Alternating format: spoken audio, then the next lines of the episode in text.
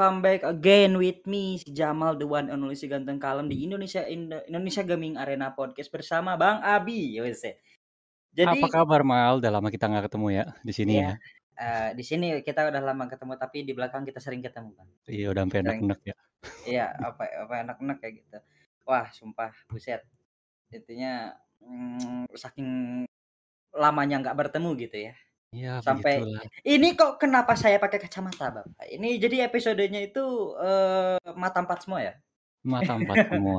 Ya termasuk empat bintang tamu kita nanti, bintang tamu kita hari ini ya kan. Yoi. Heeh. Karena minggu ini sesuai dengan janji gua kemi- eh, kemarin, Hmm. hari ini tuh kita bahas perkembangan gaming gear di Indonesia gitu bersama Tuh bagus Denny as a tech enthusiast. Sore. Uh, welcome Sore. welcome. Halo Bang. Halo Bang.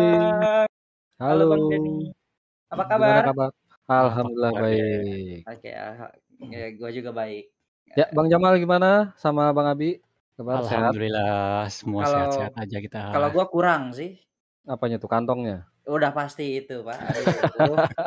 itu yang memang kurang sehat. Oke, eh, sebelum kita mulai ke segmen-segmen gitu ya, segmen dan semen, kita eh, ini tuh para pendengar kita itu nggak tahu siapa sih sebenarnya Bang Denny ini. Coba bisa tolong diperkenalkan diri dulu gitu, Bang. Ya, eh, nama gua Tubagus Denny dan sekarang gua lagi di eh, lagi pegang satu apa manajemen yang di DZ Tech. Jadi semuanya berbau teknologi dan termasuk gaming gear juga. Oke, Ki- gaming Desertek itu apa?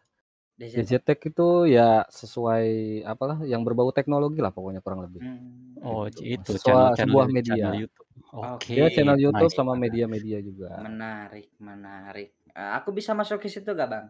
Hmm, bisa, bisa, bisa. Bisa. Widih. Terus nge-host goreng. sendirian dong ntar. Hah?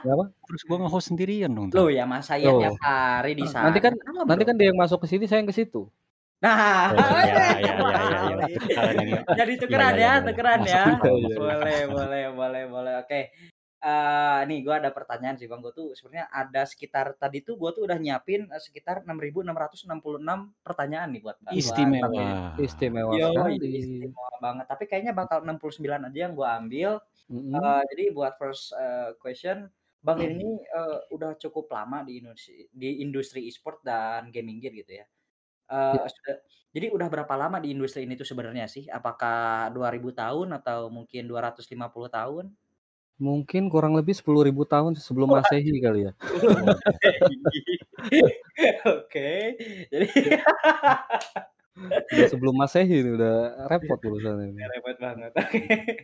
Ya, jadi gue tuh sebenarnya memang basically ya gamer juga pasti di antara yang main game atau mungkin kita semua yang bahkan yang nonton mungkin basically pasti dari gamer lah ya. Mm-mm. Ya, jadi mungkin gue dulunya suka main game, terus karena menurut gue pribadi gue tuh agak kurang bisa menjadi pro player, jadi ak- akhirnya gue langsung banting setir. Oh, langsung banting setir. Tapi nggak Ya. tabrakan kan? Hmm, enggak, setirnya doang yang pesok, apa eh, penyok. Om setirnya berarti kena ya? kena itu, Aduh, sama segitiganya. Oh iya ampun sama segitiganya enggak tuh. Aduh. Tapi, tapi kayaknya di antara kita bertiga nih emang punya punya kemiripan ya apa namanya punya cita-cita jadi pro player nggak kesampaian iya. Jadi pro beda player. generasi aja beda Iya, era aja jadi kita langsung belok banting setir aja. Itu sebenarnya tuh eh gimana sih ceritanya bisa jadi tech antusias gitu? Secara kan eh, kalau yang namanya tech antusias tuh ya teknologi eh, antusias banget gitu kan. Entah itu Hmm. di segmen apa pun itu gimana sih ceritanya? Jadi sebenarnya sebelumnya gua megang di yang sekarang ini untuk yang DZ Tech itu gua sebelumnya eh, salah satu marketing di NYK Nemesis, salah satu brand gaming. Dan sebelum di NYK Nemesis gue di Sades juga dan sebelumnya gue sempat di toko gaming yang eh, yang lumayan terkenal di Indonesia juga gitu. Jadi Oh. dari dari situ dari situ karena memang kita sering apa eh, ada event-event atau segala macam dan kita berkutat eh, sama gaming gear dan event-event ya akhirnya kita jadi tahu eh, apa namanya yang ya pokoknya gaming gear sama dunia-dunia gaming atau e-sport gitulah. Hmm, oke, I see. Berarti eh berawalnya itu dari kerja di toko ya? Ya awal kerja di toko dan dari situ ke event-event, terus habis itu lanjut ke marketing. Ya awalnya dari pro player yang gagal aja sih. Jadi pro player yang gagal ya?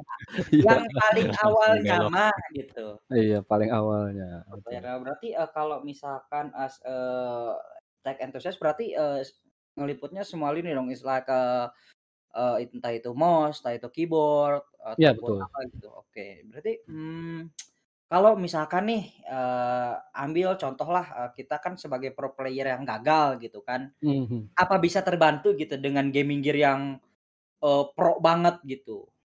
Pasti bisalah. Pasti bisa? Pasti Dari bisa. eee, sama, eee, itu kalau misalkan di beberapa lini itu kan kayak misalkan, eee, low range, eee, mid range, sama itu kan, tapi terkadang gitu kan ada yang Mhm. harganya sama, tapi, eee, ada yang bikin beda. Nah, itu kalau misalkan dari buat gaming itu ada apanya sih yang beda gitu? Mmm, sebenarnya kalau bahas tadi yang gaming gear itu kita berpengaruh atau enggak ya mungkin, eee, kalau untuk play player zaman dulu itu sebenarnya kita gengsi dulu. Mmm. Ibaratnya kita dari Iya iya. turnamen yang sekelas hadiahnya cuman Rp1.000.000 itu gaming gear kita aja udah bisa Rp3.000.000 gitu kan. Mhm. Jadi menurut gue ya memang pengaruh pe pengaruh juga dan itu pengaruhnya sebenarnya sih kurang lebih sekitar 30% sampai 40% lah. Dan Mmm. yang menentukan pasti udah pasti skill-nya. Karena kan ya kita pribadi, kita bertiga aja yang ngerasa udah nggak bisa jadi pro player, tapi paling nggak kita punya equipment sendiri yang memang kita menandakan bahwa, oh kita tuh gamer gitu loh. Oke. Mhm. Jadi karena basically dulu kan belum ada game mobile dan banyakan game PC, jadi gaming gear menurut gua penting banget. Dan, eee, untuk di zaman sekarang gaming gear-nya juga kayak lagi tren game mobile itu nggak mungkin juga mereka nggak pakai earphone kan untuk skala Mmm. apa, eee, turnamen atau misalnya Mmm. kompetitif kayak gitu. Oke Berat oke. berarti istilah gaming gear sendiri tuh udah udah bergeser jauh ya. Kalau dulu tuh gaming gear tuh paling cuma sekedar keyboard, mouse, headphone, sekarang sekarang kayaknya apa pun yang yang ya terutama yang bau-bau RGB RGB itu yang bisa naikin FPS itu RGB. iya. Itu itu udah dianggap gaming gear ya? Iya betul. Jadi memang kalau slogan anak gamer zaman now gitu ibaratnya no RGB no party lah. No RGB no party. No RGB Iya no iya iya. party, heeh. Nah, ini gue gue pengen tahu nih, lu lu di apa namanya, di Sades, di NYK gitu kan lu lu udah pas pasti udah berapa berapa kali dong ketemu ketemu sama pro player pro player gitu. Nah, Mmm. eee, yang dibutuhin sama pro player pro player ini tuh apa sih yang, eee, gaming gear yang gaming gear yang kayak gimana tuh sih? Apa na eee, ya ya ya berdasarkan kebutuhannya mereka itu? Ya terlepas dari dia pro player atau enggak, pasti Mmm. untuk gaming gear itu kita yang pertama pasti kualitas gitu kan. Oke. Mmm, oke. Kualitas dan karena memang kalau misalnya kita pakai earphone nggak mungkin juga, eee, apa namanya, mereka main game FPS terus nggak kedengeran step-nya terus, Mhm. eee, jadi kan mereka juga nggak nyaman atau misalnya nanti malah jadi kalah gitu. Jadi menurut gue ini gaming gear bener-bener menunjang banget dan dari sisi kualitasnya juga harus disesuaikan gitu loh sama gamer-gamer yang ada sekarang. Kalau dulu ibaratnya si gaming gear ini memang kebanyakan game PC dan makanya brand-brand sekarang karena udah ke game mobile, nah mereka juga berlomba-lomba untuk, eee, meningkatkan kualitasnya untuk bisa di apa, dipakai di device mobile-nya masing-masing gitu. Mhm. Mmm, oke. Nah ini gue ada sedikit pertanyaan nih ya, Kak. Kalau misalkan nih, eee, istilahnya kan tadi kan, mmm, eee, keyboard, mouse, eee, terus sama headset kan, eee, no RGB no party kan. Nah Mhm. sekarang kalau misalkan buat e-sport nih ya, circle-nya buat e-sport, apakah kalau misalkan nih, eee, monitor itu apakah termasuk gaming gear at Pas dan itu juga berpengaruh sama, eee, performa dari si player tersebut. Jadi Player. kalau misalnya nggak mungkin juga kalau skalanya turnamen kita udah main stage gitu kan, terus, eee, monitornya pakai yang 75 hertz atau misalnya yang mungkin 60 hertz, itu juga kan mempengaruhi performa si player tersebut gitu. Mhm. Jadi menurut gue ja si monitor ini juga masih termasuk bagian dari peripheral gitu. Oke oke. Nah, eee, gue ada satu pertanyaan lagi, eee, kita kan sebagai pro player yang gagal nih ya, mhm. yang gagal jadi pro player, intinya waduh. Waduh. Waduh. Nah lu. Ada, eh, nah lu, nah lu. Lui, lui, lui, lui. Ini nih, ini gak lui. live lu. Kok aman? Gak, gak live di YouTube, gak live. Kenapa ini? Halo?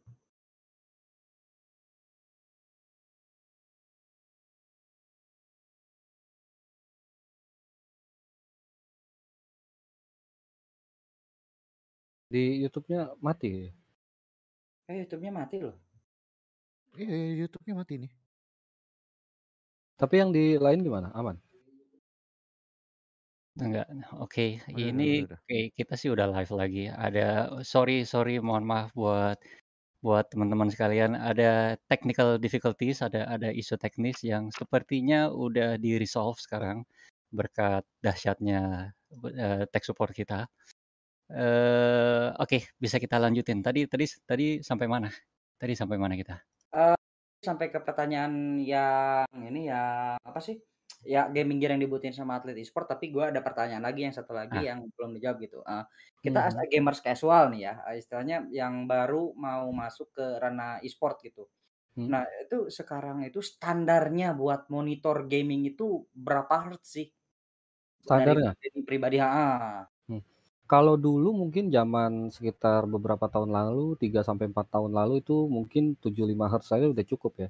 Tapi Mhm. kalau sekarang itu kan, eee, menurut gua pribadi itu 144 hertz sudah minimal banget. Karena memang di skalanya gamer casual atau bahkan sekarang di warnet pun dia udah make 144 hertz semua. Bahkan ada yang sampai 240 dan 360 Oke. gitu. Ya tapi harganya ngi mengikuti juga mungkin ya? Harganya mengikuti sih. Tapi Harganya sekarang udah murah-murah kok.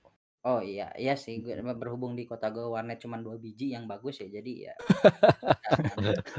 nggak bisa diambil standar gitu. Oke, eee, berarti 75 udah nggak bisa diambil standar dong ya? Ya sebenarnya masih bisa, masih aman. Cuman memang kalau untuk, eee, mereka arahnya ke skin kompetitif ya better sih 144 lah minimal. Iya. Hmm, oke oke. Ya Nah, kalau eee, las las harga las las las, ma iya mumpung iya iya. masih ngomong gaming gear yang ke atlet e-sport, kalau seumpama nih ya, Hmm. misalkan nih, eee, gua tuh udah males sama perkabel-kabelan gitu ya. Mhm. Itu kalau, eee, buat, eee, gaming list yang eh, game gaming gear yang wireless ya, Mhm. itu tuh udah minim delay apa enggak sih kalau buat sekarang, Bang? Eee, dan yang di mid-range lah ya, yang harganya nggak terlalu hedon gitu. Ya. Jadi kalau untuk gaming gear yang wireless zaman sekarang tuh sebenarnya udah udah low latency lah, udah udah hampir minim banget delay dibanding zaman dulu. Kalau zaman dulu mungkin kita tahu beberapa merek kayak, eee, merek-merek tertentu yang mungkin, eee, orang pernah dengar kayak Logitech, terus, eee, SteelSeries dan lain-lain. Kalau sekarang bahkan brand-brand yang middle dan low pun mereka udah keluarin yang, eee, headset atau misalnya peripheral yang udah keluar, eee, wireless-nya gitu. Jadi dengan low latency. Jadi bahkan gue juga punya salah satu apa, headset yang memang dulu karena gua pernah kerja di NYK, jadi gue punya salah satu headset dan menurut gua, gua pakai main game Valorant pun kayak itu kan udah sekelas FPS lah ya kurang lebih. Hmm. Dan itu menurut gua udah udah hampir nggak ada delay-nya gitu. Hmm, oke Dan berarti dan itu harganya juga masih masih di bawah 1 juta lah, masih sekitar 500 sampai 600 ribuan. Oke, masih bersahabat di kantong Ya, lah ya. masih bersahabat di kantong dan masih ada lah ya. hmm, dan, eee, ada juga beberapa brand lain yang yang kira-kira, eee, kurang lebih sama lah sama headset-headset itu dan menurut gue juga gue udah cobain masing-masing itu juga sama lah hampir nggak ada delay sama sekali. Oke oke. Oke. Berarti udah aman lah ya buat sekarang buat ngambil Aman yang aman kurang harganya lebih. Kan kalau dulu kan harganya kan masih di atas, eee, 2 gitu kan buat yang heeh. tensi dan enak, nyaman gitu. Hmm, cuman kalau misalnya yang, eee, wireless itu terutama mungkin headset dia mungkin ya kalau untuk dongle-nya itu, eee, dia harus kayak nggak boleh keganggu sama yang, eee, port lain. Jadi dia harus satu port sendiri dan utamain itu di bagian belakang PC atau Hmm. di laptop. Karena kalau dia taruh di depan itu kan power-nya sebenarnya agak kurang kuat. Jadi mendingan Hmm. ditaruh di bagian belakang aja sih. Oke oke. Oke oke, itu tips yang cukup berharga. Ini berarti dongle gua kayaknya mesti gue pindahin berarti nih. Gua taruhnya di USB hub soalnya. Iya. Tapi ya buat gamer casual kayak gue mah ya bodo Aman amat, lah pokoknya yang penting gue bisa denger. Iya. Iya. Ah, nancep. iya. Nah, apa namanya, nah ini gue mau nanya nih, ini Bang Den nih. Mhm. Eee, buat buat satu brand nih, apa namanya, yang bisa bikin customer itu percaya gitu ya, punya keyakinan, punya faith sama sama brand itu tuh tuh apa sih, eee, pengalaman lu selama ini? Eee, sorry sorry maksudnya bisa diulang? Iya, jadi kalau kalau ada ada ada ada player, ada ada ada customer datang nih, gua apa namanya, Mhm. dia dia pasti pengen pengen punya pengen punya gaming gear gaming gear dengan kayak ya yang yang yang sesuai sama harapannya dia. Apa yang Iya. bikin bikin se bikin si customer ini bisa punya kepercayaan sama sama satu brand tuh, yang me menurut lu menurut lu?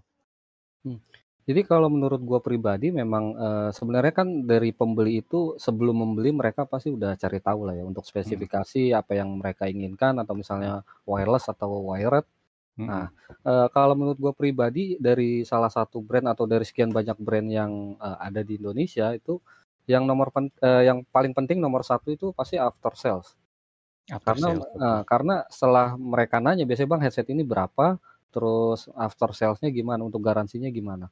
Nah, Mhm. gitu. Jadi untuk untuk brand-brand yang di Indonesia menurut gua itu after sales sangat penting dan terlepas dari kualitas kita pasti kurang lebih tahulah semua merek, semua brand itu pasti mereka ingin mengeluarkan kualitas yang, eee, baik lah untuk brand-nya masing-masing. Karena kan, eee, mungkin mereka juga nggak mau untuk brand-nya jelek, oh walaupun ibaratnya murah, tapi gue juga nggak mau brand gue jelek gitu loh. Jadi gua harus cari yang murah dan berkualitas.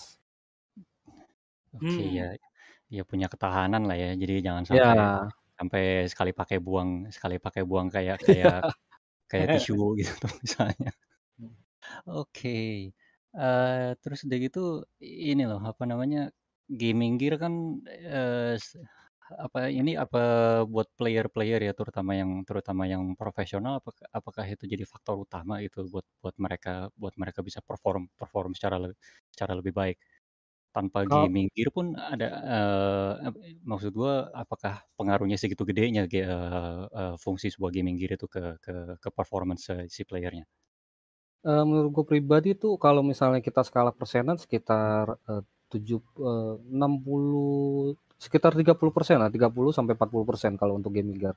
Karena memang, eee, yang 50%-nya itu udah pasti mereka kan dari skill-nya. Nah, Skill-nya. 30%-nya itu dari gaming gear dan 20%-nya itu mungkin dari manajemen dia sendiri gitu. Karena memang kalau misalnya kita pengen jadi pro player terus kitanya sering begadang atau manajemen waktu kitanya sendiri aja nggak bagus gitu kan, ya boro-boro dari gaming gear-nya menunjang, dari skill-nya menunjang, karena dari manajemen dia sendirinya aja nggak menunjang gitu kan. Mhm Dan menurut gua memang kalau untuk gaming gear-nya sekitar ya 30 sampai 40% lah.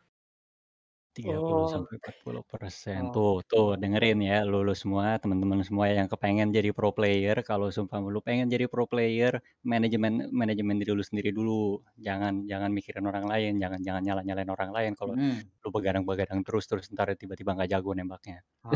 entar entar buat beli gaming gear dia nyolong duit orang tua kan nggak lucu juga. Jangan Iya dong. iya iya, masuk. Ya ampun. Nah, terus gini kan, eee, ini kan kalau misalkan, eee, gaming gear nih misalkan nih, eee, gua, eee, pengen gaming gear gitu kan ya, eee, Mhm. misalkan gua main PB gitu kan, anggaplah Mmm. game FPS ataupun MOBA gitu. Nah, apa sih rata-rata yang dicari gitu sih, eee, dari gaming gear itu? Apakah dari driver-nya mungkin, eee, kalau misalkan, eee, beberapa mouse kan ada kayak yang light lightweight gitu kan, terus iya iya. ada yang ada yang kasih pemberat gitu. Nah, itu sebenarnya Mmm. apa sih yang dicari gitu, eee, buat gaming gear? Kalau yang dicari dari gaming gear itu udah pasti mereka kan pertama kenyamanannya. Itu Mhm. pe kenyamanan pemakaian karena kayak misalnya kita pakai mouse gitu kan, itu ada yang tangannya gede nggak cocok sama mouse yang kecil, ada yang tangannya kecil nggak cocok sama mouse yang gede. Nah, itu kan Mhm. balik lagi ke kenyamanan mereka masing-masing. Dan kalau misalnya kayak keyboard atau misalnya headset, kayak misalnya keyboard, eee, yang satu suka pakai keyboard membran, yang satu lagi Mmm. suka pakai keyboard mecha. Nah, itu kan berarti balik lagi ke kenyamanan mereka masing-masing, gimana PW-nya Mhm. mereka gitu. Jadi Oke. kenyamanan sih. Dan kedua itu udah pasti daya tahannya. Karena kalau misalnya kira-kira orang, eee, nyari suatu barang mereka udah tahu speknya segala macam, pasti yang bakal ditanya daya tahannya gimana gitu kan, Mhm. garansinya gimana. Nah, karena untuk kenyamanan sebenarnya sebelum mereka beli pun mereka pasti udah research dulu kan. Mhm. Mhm, kayaknya mouse ini cocok nih, atau keyboard ini, atau monitor ini, kayak gitu-gitulah. Mhm mhm mhm. Ah, itu kan, eee, yang dicari kan. Nah, secara eee, Mhm. sekarang gimana ge misalkan, eee, gua udah misalkan, oh gua udah milih ini ini ini ini misalkan. Nah, Mhm. tapi, eh, gini, eee, gimana sih kalau misalkan, eee, cara orang biar ngenalin gaming gear itu yang baik gitu atau yang Nah, bagus gitu, penting gimana sih tuh. caranya tuh? Jadi, eee, misalkan gua ngambil si A misalkan ya, Mmm. dan ternyata, eee, gua nggak nemu nih misalkan reviewnya gitu kan. Nah, terus lihat yang si B ternyata ada gitu. Jadi gimana sih cara mengenali gaming gear yang baik itu? Jadi kalau mengenal gaming gear yang baik itu udah pasti, eee, karena sekarang dunia digital itu udah lebih mudah kan, jadi kalian bisa cek aja review-reviewnya yang ada di YouTube atau misalnya kalian bisa riset sendiri dan sebisa mungkin karena memang sekarang pandeminya juga udah mulai berkurang gitu kan, kalian bisa langsung datengin toko komputernya atau toko gamingnya langsung biasanya tuh mereka di sana ada display-display yang udah tersedia gitu. Jadi kita Hmm. bisa coba untuk, oh mouse yang ini kira-kira cocok nggak? Walaupun ibaratnya kita punya riset sendiri sebelum beli, biasanya tuh si toko tersebut menawarkan, oh kayaknya ini cocok yang buat tangan lu, ini cocok buat ibaratnya eh, lu yang misalnya kayak kacamata, jadi posisi si monitornya nih harus gimana gitu kan. Karena kan monitor aja zaman sekarang kalau dulu kan cuma diem aja, sekarang ada yang bisa naik turun, ada yang bisa muter-muter gitu kan. Iya. Hmm. Udah gitu sekarang memang keperluan eh, untuk si gamer sendiri udah untuk arah kompetitifnya itu menurut gue udah semakin kurang dan sekarang mungkin arahnya ke arah streamer ya gitu. Oh, Jadi Pak. memang kebutuhan kebutuhan si gaming gear juga makin banyak kayak misalnya mic condenser ataupun yang lain-lain itu juga menurut gue udah apa cukup penting banget sih. Hmm, hmm, hmm. Itu kayak iya ya, apa namanya, eee, ya kayak kayak yang kita kayak yang kita omongin tadi udah udah geser nggak cuma sekedar mouse, keyboard, atau atau atau headset doang ya sampai Iya. sampai apa namanya tadi? Ya kayak Eee, mic condenser, iya webcam mic segala condenser, macem. heeh. Hmm. Iya capture card lah segala macam. Iya iya bener Iya. juga ya. Eee, sama ini deh, gi menurut menurut Bang Denny nih, gimana perkembangan e-sport di Indonesia tuh tuh menurut lu pribadi kayak gimana? Dan dan untuk perkembangan teknologi gaming gear-nya tuh tuh, men menurut lu gimana? Udah udah memadai kah? Apa namanya, atau masih ketinggalan kah dibandingin dibandingin dibandingin, eee, produk-produk dari dari negara-negara lain? Gimana menurut lu, Bang? Kalau perkembangan, eee, gaming gear di Indonesia sih sebenarnya sekarang ya untuk Mhm. di skalanya Asia itu, eee, malah menurut gue pribadi itu kiblatnya lagi ke Indonesia. Nah Oke. karena kalau misalnya, eee, kita lihat di Indonesia tuh udah udah hampir, eee, banyak lah, hampir puluhan brand lah yang ada di Indonesia dan di luar negeri tuh kalau misalnya kita cari barang yang, eee, kayak di Indonesia aja belum tentu ada di luar, tapi mereka malah kayak, eee, oh di Indonesia lagi laku ini nih, mereka bikin. Oh di Indonesia lagi kayaknya lagi porosnya ini. Jadi, eee, Indonesia ini kurang lebih sekarang lagi lagi seperti porosnya yang di Asia kurang lebih. Jadi, eee, perkembangannya tuh Indonesia lagi lagi gede banget. Cuman memang kalau untuk skalanya kayak tim e-sport atau yang lain-lain, nah itu menurut gua agak menurun. Karena kenapa? Karena memang tim e-sport yang, eee, sekarang-sekarang ini kan kebanyakan mobile ya. Mhm. Hmm. Eee, yang gamer-gamer PC-nya lagi ditinggalin. Ini aja untung karena ada, eee, si Valorant ini jadi game PC-nya tuh ikut naik lagi sama Dota kan sekarang yang lagi naik. Kalau nggak ada itu berdua ya ibaratnya menurut gua mungkin bisa ketinggalan kita kalau untuk si eee, scene game-game PC-nya gitu. Nah itu nah kalau menurut lu Indonesia bisa jadi bisa jadi kiblatnya faktor apa tuh kira-kira yang bisa bikin bisa bikin Indonesia tuh jadi jadi di jadi di jadi patokan buat negara-negara lain? Sebenarnya kalau dijadiin patokan sih enggak ya, cuman kayak, eee, mungkin karena memang di kita itu Indonesia, eee, anak-anaknya berkembang pesat, itu Hmm. karena sekarang kan apalagi kayak anak umur berapa tahun aja udah main game, udah megang handphone kayak gitu. Di luar negeri kan belum tentu. Kelihatannya aja eee, kelihatannya aja mereka tua padahal sebenarnya muda kan, dan mereka tuh belum tentu ibaratnya diajarkan atau mereka tahu untuk main game. Nah sedangkan kita umur yang di kita aja umur yang ibaratnya baru kelas 1 SD atau 2 SD, mereka udah ngerti game.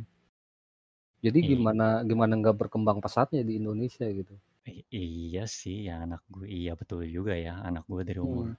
Dari kelas 1 pun dia udah udah udah kerjaannya main main main game-game itu kayak Hmm. Tamagotchi yang yang ngurusin kucing lah ini tuh segala macam. Yang ngurusin kucing. Iya, Ngurusin makan kucing. Main pou-pou.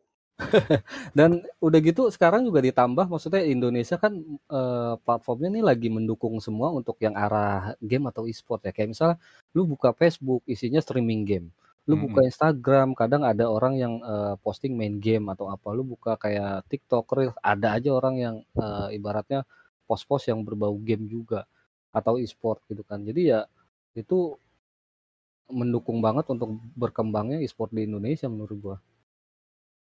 Oke. Eh, tapi gaming gear di Indo eh, iya, ya udah kejawab sih sebenarnya. Ya apa namanya, berarti menurut lu tuh gaming gear lokal tuh udah bisa bersaing udah bisa bersaing sama gaming gear luar ya? Ya let's say Banget lah, banget. ya kayak kayak Sades gitu sama sama sama Logitech ya. Logitech tuh kan juga dia dia kan, eee, punya punya punya berbagai punya berbagai macam produk yang high end, mid end, low end gitu. Itu kira-kira Ya. menurut lu ada ada ada ada di level mana pro eee, produk-produk yang ada di Indonesia? Eee, udah mulai high end sih. Sebenarnya kayak misalnya, eee, tire-nya zaman eh, bu gua nggak sebut tire lah, mungkin kayak misalnya zaman dulu, kayak kita kan taunya cuman SteelSeries, Logitech, terus yang Hmm. lain-lain kayak Razer, eee, itu mereka keluarin produk dengan yang high spec gitu kan, Hmm. dengan kualitas yang bagus banget, dengan harga yang ibaratnya tinggi banget kan. Dan Hmm. sekarang, eee, untuk di 2021 ini, bahkan di beberapa tahun sebelumnya, kita udah dapetin ibaratnya yang yang hampir mirip dengan spek itu, tapi dengan harga yang 50% lebih murah. Oh, jauh Oke, bener ya? udah jauh banget. Dan, Hmm. eee, yang pasti sih memang kita nggak bakal bisa untuk, eee, si brand tersebut ya, eee, belum bisa bener-bener sama persis kayak yang, eee, ada si brand-brand yang udah di atas gitu kan. Karena memang mereka juga start-nya udah duluan dan udah internasionalnya duluan, eee, jadi untuk brand-brand yang sekarang itu posisinya sama kayak brand yang lagi di atas itu, sekarang mereka lagi ngerintis juga, terus mereka juga apa aja yang memang diperlukan sama gamer-gamer di Indonesia, bahkan teknologinya, itu mereka pasti masukin langsung. Jadi kalau misalnya, eee, kalian tahu, itu kayak keyboard-keyboard sekarang, dulu kan kita taunya cuman membran sama mechanical.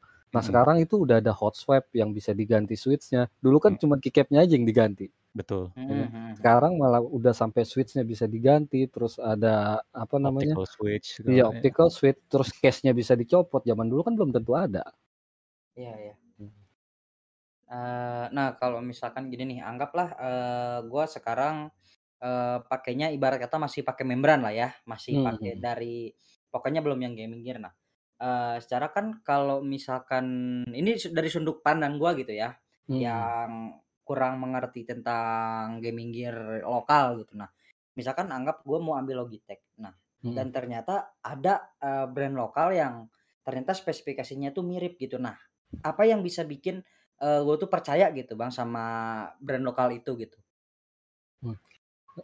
Karena ya balik lagi kayak ke yang tadi gua bilang, brand lokal ini sebenarnya memang mereka lagi berusaha sebaik mungkin untuk, eee, memproduksi gamer game eee, gaming gear yang benar-benar, eee, apa, berkualitas untuk diproduksi di Indonesia, untuk untuk Mhm. dipasarkan di Indonesia. Jadi, ya kalau misalnya, eee, kita sebagai player baru, udah pasti kan kita research dulu nih, gitu kan. Nah, better memang kalau misalnya sebelum kalian beli gaming gear atau misalnya apa pun, eee, itu memang enaknya sih datengin ke tokonya langsung, kita cobain feel-nya dulu, terutama kayak misalnya keyboard gitu kan. Hmm. Itu menurut gua memang enakan datengin langsung dan, eee, kita coba barangnya langsung gitu. Jadi kalau misalnya ada toko-toko komputer yang memang ada displaynya, itu mendingan, eee, kita datengin terus kita cobain aja. Karena itu menurut gua penting banget untuk kita feel-nya kita ngerasain. Karena kalau misalnya kita buy online, kecuali kita udah pernah pakai ya, kayak misalnya mechanical switch itu kan ada red, brown, eee, blue dan lain-lain. Jadi kayak misalnya red itu, eee, rada silent, terus blue tuh clicky dan, eee, brown tuh kan clicky, eee, tapi agak berat gitu. Eee, kalau misalnya ada toko komputer yang dekat, enakan sih datengin langsung. Kecuali Iya. kalian udah memang tahu ada apa, eee, spesifikasinya dan udah tahu feel-feel-nya, ya udah tinggal beli aja. Oke, ya kebetulan gua pakainya Gateron Switch sih. Gateron Switch. Ya, Gateron Yellow Lube, terlube. Ah, udahlah, nggak usah ngomongin modding. Ah, berarti, eee, misalkan nih anggaplah, eee, gua tuh newbie gitu kan dan gua tuh, eee, di tempat terpencil gitu ya, anggap ya. Mhm. Jadi toko komputer ada, barangnya Mhm. ada, tapi nggak ada display. Mhm. Gimana tuh? Ya balik lagi ke digital, pasti Balik mereka harus cari referensi untuk yang, eee, review-review. Karena memang untuk zaman sekarang setiap brand baru yang keluarin barang-barang baru, eee, itu biasanya mereka juga kasih ke review-reviewer untuk yang mereka tes. Jadi biasanya kalau, eee, dulu gua waktu masih di brand gitu kan, Mhm. itu kita kasih dulu ke reviewer dan kita suruh tes dulu ini barangnya gimana, terlepas dari dia sebelum bikin video gitu. Jadi ketika ada masukan apa, terus kita ada inputan apa dari mereka, kita langsung oh kira-kira nanti ke depannya tuh bakal seperti ini. Oh misalnya hari ini uh, kita pakai yang removable, mungkin nanti next uh, produksinya kita pakai yang hot swap kayak gitu-gitu. Terus udah pakai hot swap, kayaknya masih kurang nih teknologinya nih. Hot swap udah di loop kayak gitu-gitu lagi. Hmm, hmm, hmm, Hmm. Nah, Oke. tapi sebelum kita lanjut nih, gue mau ngingetin aja nih, ini buat buat teman-teman yang lagi nonton nih, kalau ada pertanyaan soal seputar gaming gear atau seputar seputar uh, ya apa namanya mungkin mau nanyain Bang Neni udah punya pacar apa belum ya silakan lah apa namanya ya silakan langsung langsung aja ketik aja uh, langsung ketik aja nanti nanti nanti kita nanti kita kumpul nanti kita kumpulin bisa juga buat ditanyain sama buat dijawab sama sama Bang Neni. Oke, lanjut lanjut. Mari kita berlanjut. Nah, tuh ada yang nanya tuh. Gimana? Oh. Di YouTube, YouTube ada yang nanya. Selamat malam.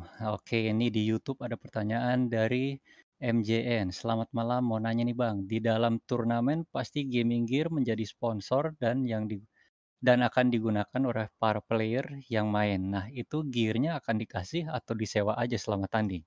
Untuk disewa. Biasanya kalau untuk oh ini siapa nih yang mau jawab? Iya, ini pertanyaan buat ini pertanyaan oh, ini pertanyaan iya, buat saya. Kenapa jadi tanya saya, Bapak? Masa, masa saya kita tidak mengerti. Jadi kalau misalnya untuk brand yang memang biasanya jadi sponsor itu kan wajib pakai dan itu nggak disewain, bukan warnet soalnya. Bukan warnet ya? bukan warnet. Jadi itu memang disewain dan itu hanya dipinjamkan selama kalian bertanding. Dan kalau misalnya udah kelar bertanding ya udah ditaruh lagi di situ. Jadi untuk nanti player lain yang pakai atau ada tim lain yang pakai ya itu dipakai lagi ditaruh situ lagi. Jadi nggak dipinjemin atau nggak dikasih. Kecuali memang untuk sponsorshipnya mereka ada uh, seperti kerjasama kayak misalnya juara satunya dapat apa, juara duanya dapat apa. Nah itu baru dikasih. Gitu.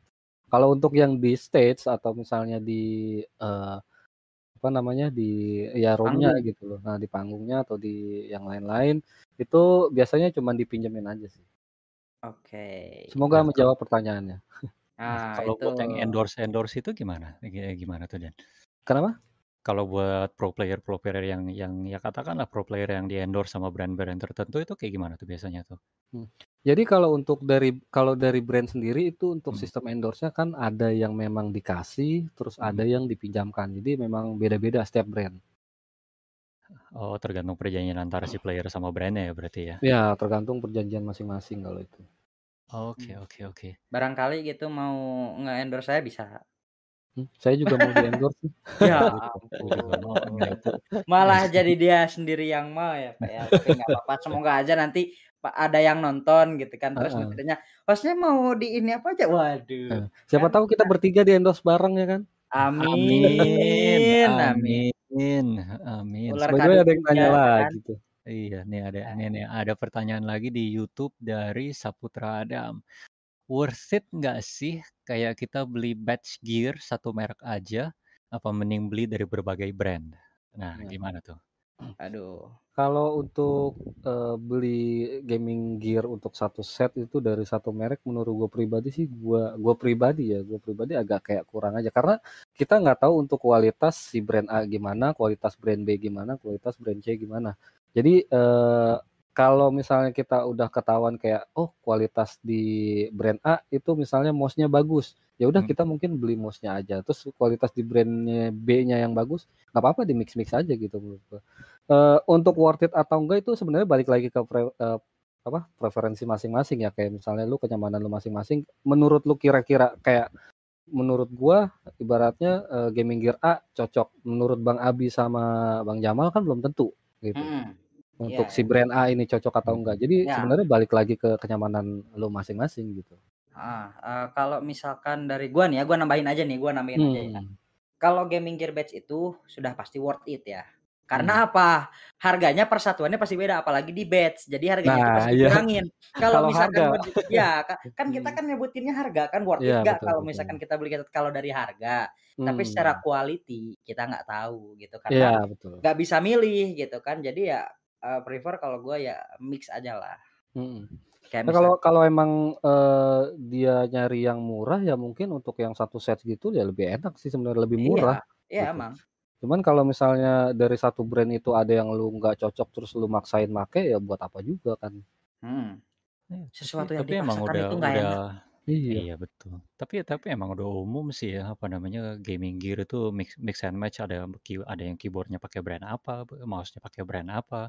Hmm. Ya ya ya ya emang karena karena feel masing-masing dari dari dari peripheralsnya itu kan nggak nggak nggak sama ya tergantung dari Hmm. tergantung dari tangan tangan ya tergantung dari ya benar kata benar kata lu tadi tergantung dari kenyamanan masing-masing. Hmm. Bahkan kita sekarang aja pakai gaming gear yang beda-beda kan. Iya. Yoi. Headsetnya yang beda-beda. Iya. Nya beda-beda, headset beda, Iya. mouse beda, mic beda. Iya. Yang sama cuman kacamata.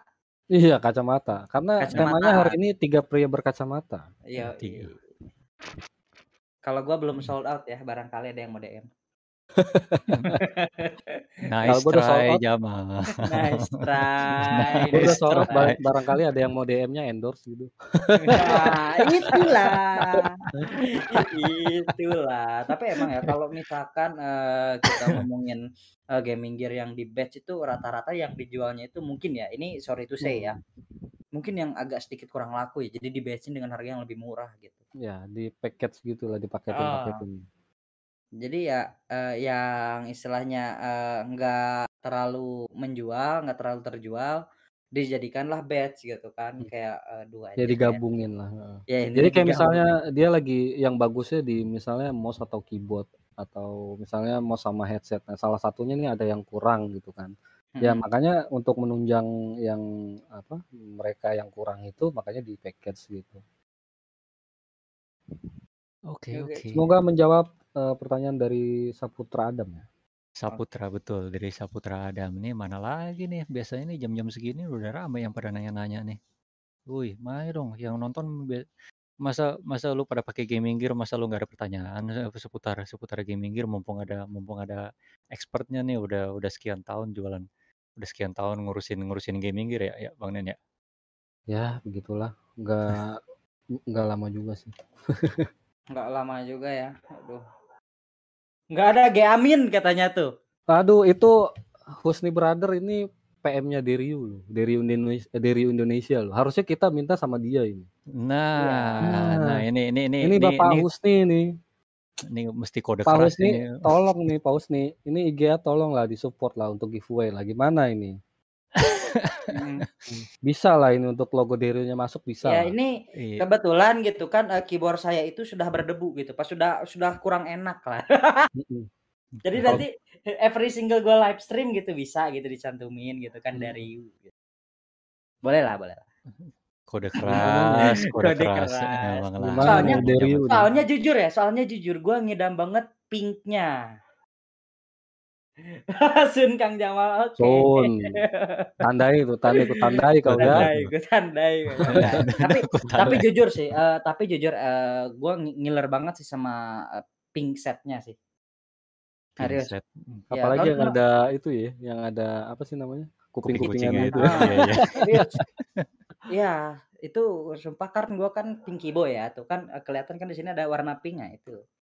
Rencananya ini kamar juga jadi pink gitu. Gaming gear mau pink, monitor dipingkan, semuanya pink lah. Bad, Sampai kursi sebadan-badan juga di pink. sampai kursi gaming aja mau pink kalau ada yang endorse ya. Ada, boleh, boleh banget aku mah. Apalagi di endorse mah, uh, nggak nolak, nggak akan nolak. Jadi gimana nih Deriu, Kang Husni Sun katanya mau support kah atau gimana? Itu iya apa namanya? Ini ini kode kode kode kode kode kode keras nih. Kan tadi siapa namanya? Eh, Si si Kang Husni kan nanya nggak ada nggak ada GA ya kalau sumpama kalau sumpah mau mau didukung ya kalau Ya, mau kalau mau welcome. didukung ya sel welcome. Kita mah welcome. Ya, Ya gitulah gitu. karena satu dan lain halnya GA terpaksa kita tiadakan tiadakan dulu. Iya, iya. Heeh, Mm-mm. Bisa Tuh. dibicarakan di belakang layar ya kan? Bisa dibicarakan di belakang layar. Oke, ya. Terus eh, kalau misalkan nih, eh, ini mah pertanyaan dari gua aja lah ya, Hmm. eh, buat Bang nih. Jadi misalkan nih, eh, gue pakai satu mouse nih ya, terus Hmm. tiba-tiba ada eh, mouse juga sama, eh bentuk Hmm. sama, Hmm. eh di semuanya sama gitu. Nah, Hmm. tapi harganya beda gitu. Itu yang sebenarnya yang ngebedain itu apanya sih? Yang ngebedain, kalau Heeh. biasanya samanya dalam segi apa dulu? Kayak misalnya beda merek atau gimana gitu? Eee, sama sama, eee, mereknya sama, bentuknya sama, Mhm. eee, feel-nya juga sama, tapi apa yang ngebedain, aduh ini pokoknya, eee, kodenya tuh 102 sama 403. Oh, iya iya iya. It itu biasanya kayak apa sih namanya, dia pasti ada yang dikurangin lah, entah dia dari IC-nya atau misalnya dari performa yang mungkin menurut kita nggak berasa, tapi biasanya itu dari segi sensor, eee, mungkin ya mungkin ya, ini menurut gua menurut gua pribadi kayak misalnya ada ada beberapa brand kayak misalnya, eee, sensor A gitu kan, tapi Mhm. dia nggak menegaskan untuk sensor A-nya tipe apa, gitu. Oke. mhm mhm. Jadi itu yang mungkin mereka tutupi. Nah, kayak misalnya gaming sensor, gaming sensornya Mhm. kita nggak tahu nih merek A, merek B, merek C itu gaming sensornya yang tipe apa. Nah, itu biasanya mereka memang, eee, nggak ngasih tahu ya untuk untuk ngeduetin mungkin yang yang udah di atas atau untuk untuk yang apa, eee, ngebarengin ya menurut mereka nih udah sama persis lah ya gitu kan. Dan ya udah gue bikin nama sensornya atau nama apanya sama lah, switch misalnya sama kayak Omron, tapi kan kita Omronnya nggak tahu nih untuk Omronnya itu yang ibaratnya, eee, kapasitas, eee, kekuatannya itu berapa juta kliknya gitu. Karena kan Mmm, itu juga ada ada tipikal-tipikalnya, ada ada tipe-tipenya juga gitu. Mhm mhm. Nah, eee, sekarang anggap kalau, eee, jadi itu kan tadi kan Omron itu switch buat klik kan, Mhm mhm. ya kalau nggak salah. Nah worth it gak sih kalau misalkan eee, kita nih gaming kan, Mmm. eee, terus, eee, si, eee, left eh, left apa right ya ini ya?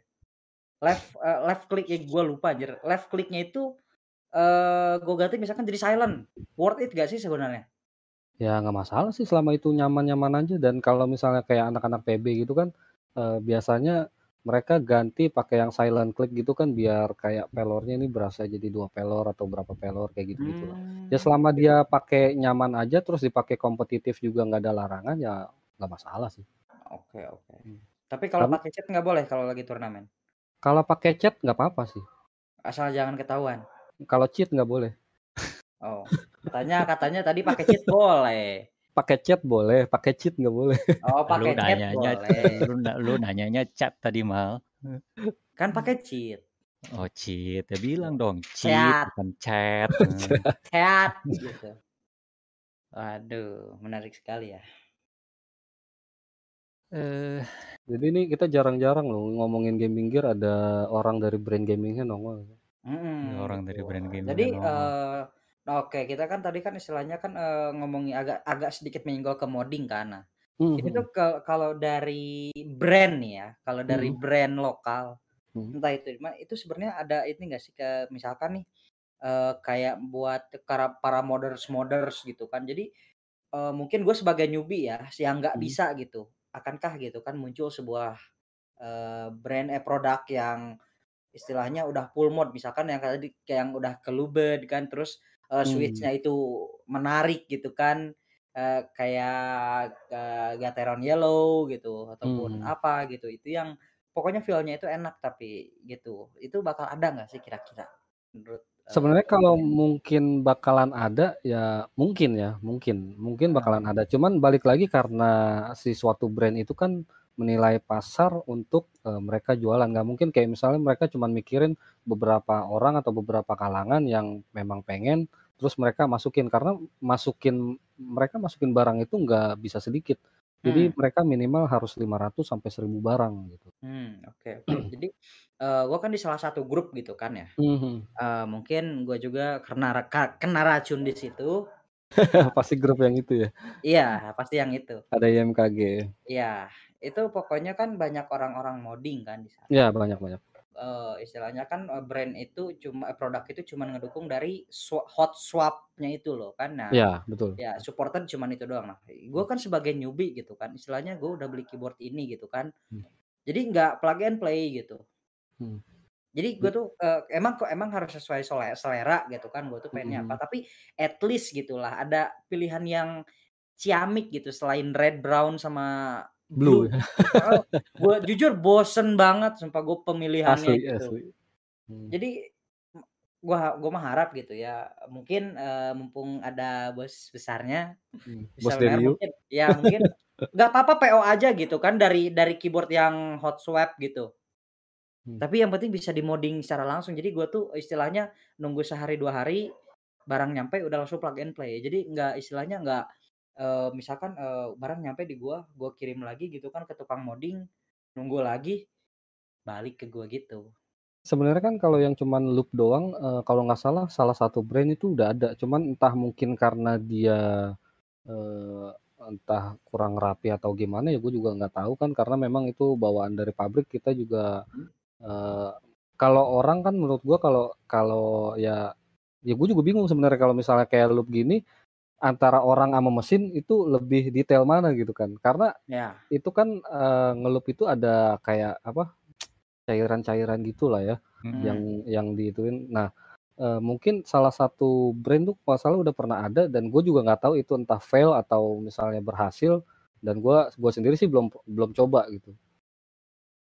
Ada salah satu brand yang yang keluarin keyboard mechanical dan udah langsung di-loop gitu. Mhm mhm. Hmm. Tuh, Tapi Oh, mungkin lu iya udah iya. pernah coba, Mas Jamal? Waduh, gua belum. Gue pengen banget coba sebenarnya itu. pokoknya gua tuh punya tuh cuman ini doang, Hmm. eee, Keychron. Oh, Keychron, heeh. Ya.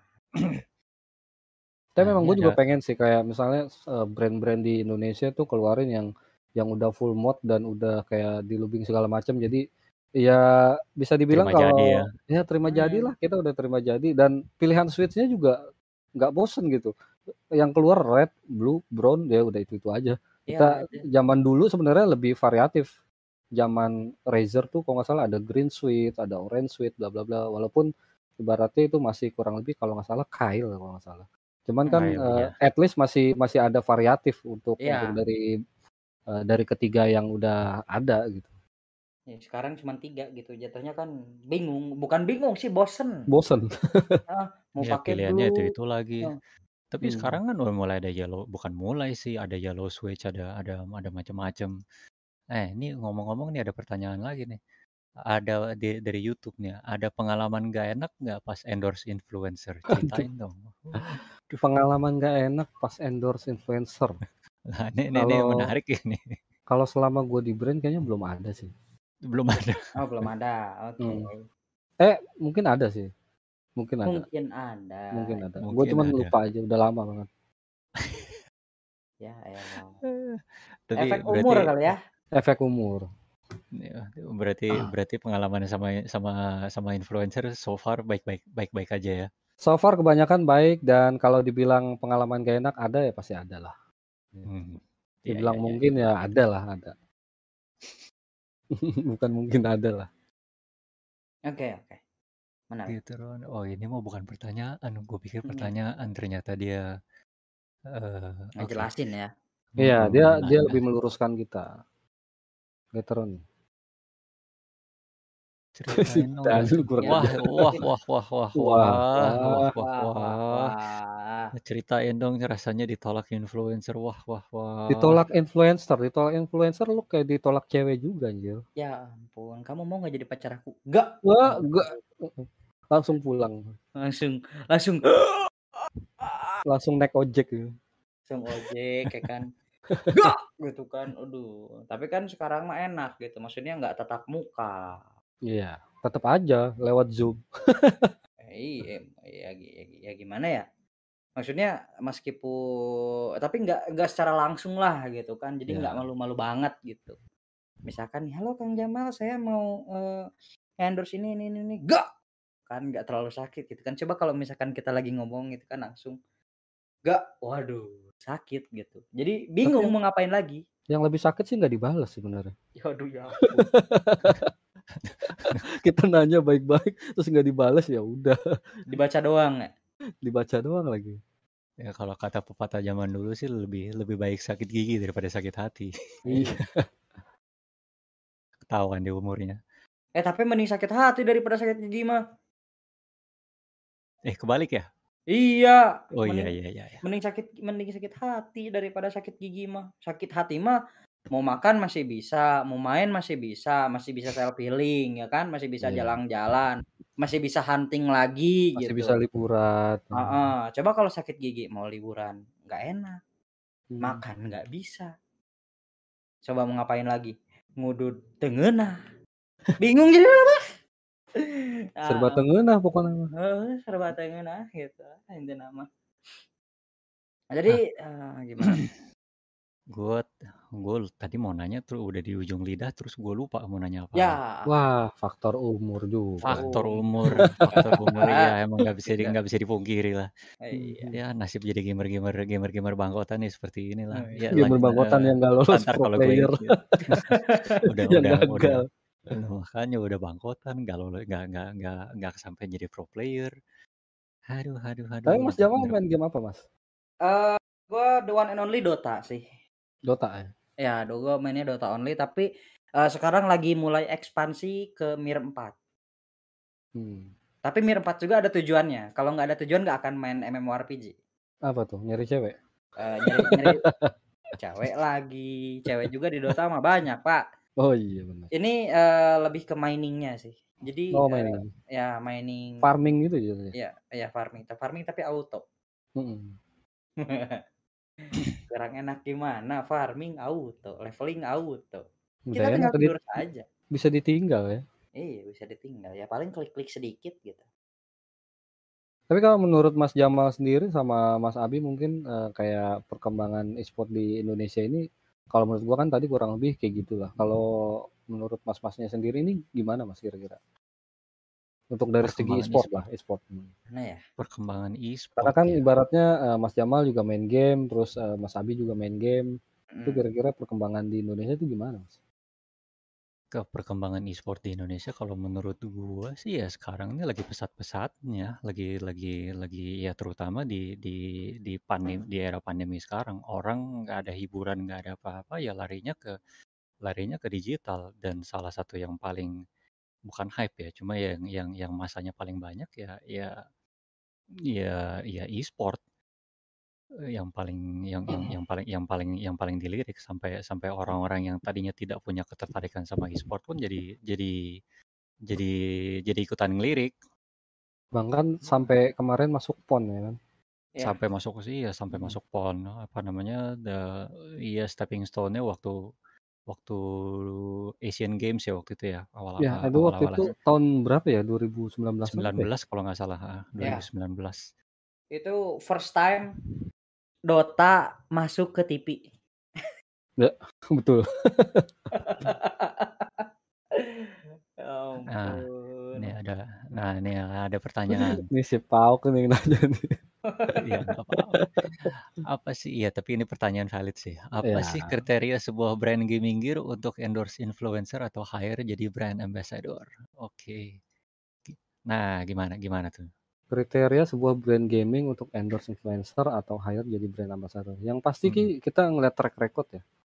Track Track record sama attitude-nya. Jadi misalnya track record dia tuh influencernya basically apa, terus eh, sebelumnya apa, bla bla bla gitu kan.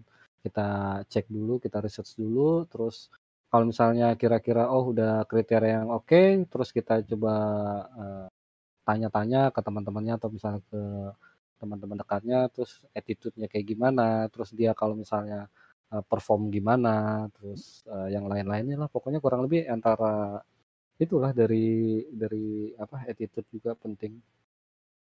Hmm, hmm, hmm. apa namanya? jumlah follower gitu segala macam tuh ter- ter- termasuk kriteria nggak? Jumlah follower termasuk, tapi kalau kalau ya sebenarnya tergantung brand juga sih ya. Kalau misalnya Hmm. kayak karena brand kan banyak ya, brand gaming Hmm. banyak. Kayak misalnya gua kemarin masih dari brand ibaratnya NYK atau Sades Hmm. juga nggak nggak harus eh, follower yang banyak banget atau gimana karena kita juga tahu kan rate-nya mereka pasti tinggi dan walaupun rate-nya tinggi itu juga eh, belum tentu attitude-nya sesuai gitu sama rate-nya. Oh, Nah, makanya kita kayak misalnya ya udah cari yang eh, biasa-biasa aja tapi track recordnya bagus dan eh, itu mungkin sesuai sama kita ya udah kita jalan bareng kurang lebih gitu. Oke, oke. Berarti gitu aja sih ya. eh sebenarnya sih masih banyak ya pertanyaannya tuh. Tadi tuh ada 6 sek- ini tuh masuk 69.999 pertanyaan sih Bang di dari Istimewa. Platform ya. Tapi ya gokil yo iya, gokil banget ya. eh, sangat antusias sekali gitu kalau misalkan kita lagi ngomongin gaming gear itu karena gaming gear itu eh, alat yang kita pakai buat main game, entah itu buat main game, entah itu buat kerja itu setiap hari itu pasti dipakai gitu. eh, pasti terutama dipakai Ya terutama apalagi kita, eee eee, kerjanya di depan komputer gitu ya. Hmm, makanya Gitu. juga, eee, gaming gear ini kan memang, nggak cuman kalangan gamer aja gitu. Mhm. Jadi memang gaming gear juga bahkan kayak orang-orang kantoran maupun anak sekolah sekarang udah pakai gaming gear-nya yang yang bener-bener gaming gitu. Yoi, biar bener-bener gaming gitu kan biar Iya. disebut gamer Iya, kan. karena si pemerintahnya aja kan udah mendukung e-sport gitu kan. Jadi Mhm. masa iya dari sekolah ataupun, eee, instansi yang ada nggak mendukung juga gitu kan. Iya, minimal 102 lah ya kodenya. Iya, minimal 102. 102 kodenya. Oke, makasih banyak ya, eee, buat Bang Denny buat malam ini udah hadir di acara podcast kita. Siap. Ya makasih banget banget. sumpah, eee, GG banget nanti kita ngobrol-ngobrol lagi seputar gaming gear, entah itu Ya. mau ngomongin apa, kita modding, pokoknya banyak lah yang pengen gua tanyain sebenarnya gitu ya. Makasih Siap, juga Bang Abi udah nemenin gua malam ini. Thank you thank you juga nih Oh. Jamal sama sama Bang Denny udah udah udah mau hadir hadir kasih kita kasih kita Siap, thank you juga, mmm, Mas Abi dan Mas Jamal. Yoi. Nah, ini Ya. ini si Bang Denny ini ada ada yang mau diprom ada yang mau dipromosiin nggak? Eee, Barang apa yang mau dipromosiin YouTube-nya. Nah, mungkin jangan lupa untuk di-subscribe Indonesia Gaming Arena. Iya. Ya. Buat yang lagi nonton Aduh. siapa tahu belum pada subscribe, jangan lupa di-subscribe dan Yoi. jangan lupa untuk follow juga Instagram Instagram-nya Indonesia Gaming Arena pastinya. Karena di situ bakal ada banyak konten-konten menarik dan mungkin gue juga siapa tahu nanti untuk ke depannya bisa gabung join sama IGA atau jadi hostnya atau gimana kan kita nggak tahu juga. Asik, mantap Karena kan kita eh, di dunia gaming ini sebenarnya berku- apa muter-muter di situ aja lah ya. Entah kita dari dari teman ngobrol kayak gini terus nanti kita bisa jadi host bareng atau jadi partner bareng kan kita nggak ada yang tahu. Yo. Betul sekali Oh ini by the way ini. ada ada ini nih. Ada salah satu PM brand gaming lagi nih. Ada Uh. dari Sades nih, Pak Beno. Uh, luar biasa dong. Biasa Yo. ya hadir. tiba-tiba nongol di YouTube. Ah, Ada ada dari dari Indonesia sama ada Sades Indonesia. Wah, berat udah ini. Berat banget. Ada Berat. Sades ini. Yoi. Barangkali bi- bisa disamain eh, host sama gestarnya kursinya.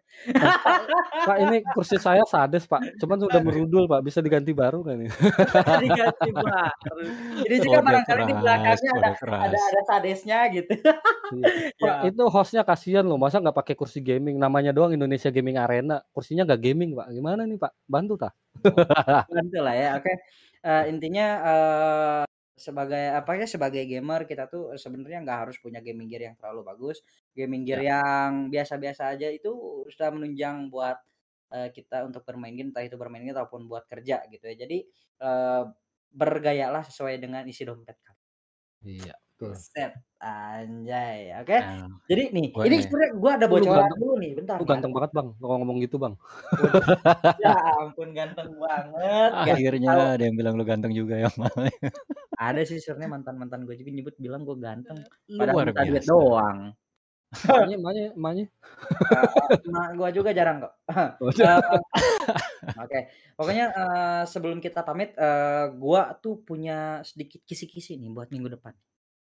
Minggu depan. Yo, Kayaknya Siapa? asik Ah, nih. siapa? Siapa Siapa tahu gue bisa nonton. Eh, jadi minggu depan di tanggal 22 Oktober ya, itu kita tuh bakal bawain tema wanita tangguh di e-sport yaitu bintang tamunya ada dari General Manager Geek Fam Indonesia Ines Bestari. Wah, Waduh. Luar biasa. Ini wanita sudah bertangguh di e-sport. Kalian yang cowok gimana? Aduh. Kalau kita ditangguhkan. Kalau kita ditangguhkan. Bener juga. Oke oke lah pokoknya kita sampai ketemu lagi di minggu depan nih di tanggal 20 tetap di jam da- 7 eh 7 atau eh, jam 8 malam. Pokoknya jangan lupa di-subscribe Indonesia Gaming Arena, di-follow juga eh, Instagramnya Indonesia Gaming Arena. Jangan lupa Mm-mm. juga nih di-follow host-host gantengnya gitu ada di @jamalpenciduk dan juga @aryan.ratulangi. Gestar kita Iya. juga jangan lupa dong di follow gitu Iya, ya. kan Di ada ada Jangan DZ lupa. jangan lupa di DZ DZ Tech channel YouTube-nya ya. @jetpack sama Iya kan? eh, @denny TGS, oke? Ya. Eh, gua Jamal, Bang Abi dan juga Bang Denny pamit undur diri ya. Kita ketemu minggu depan. Dadah. Bye. Bye. Thank you.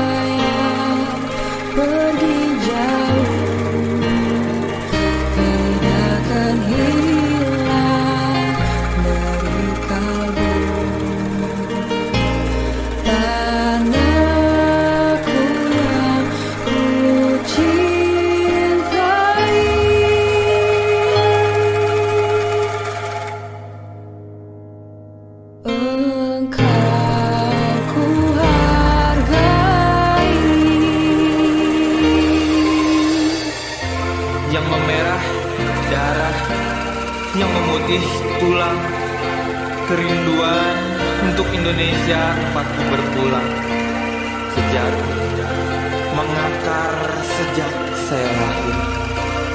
Semangat yang tak akan lekang hingga akhir.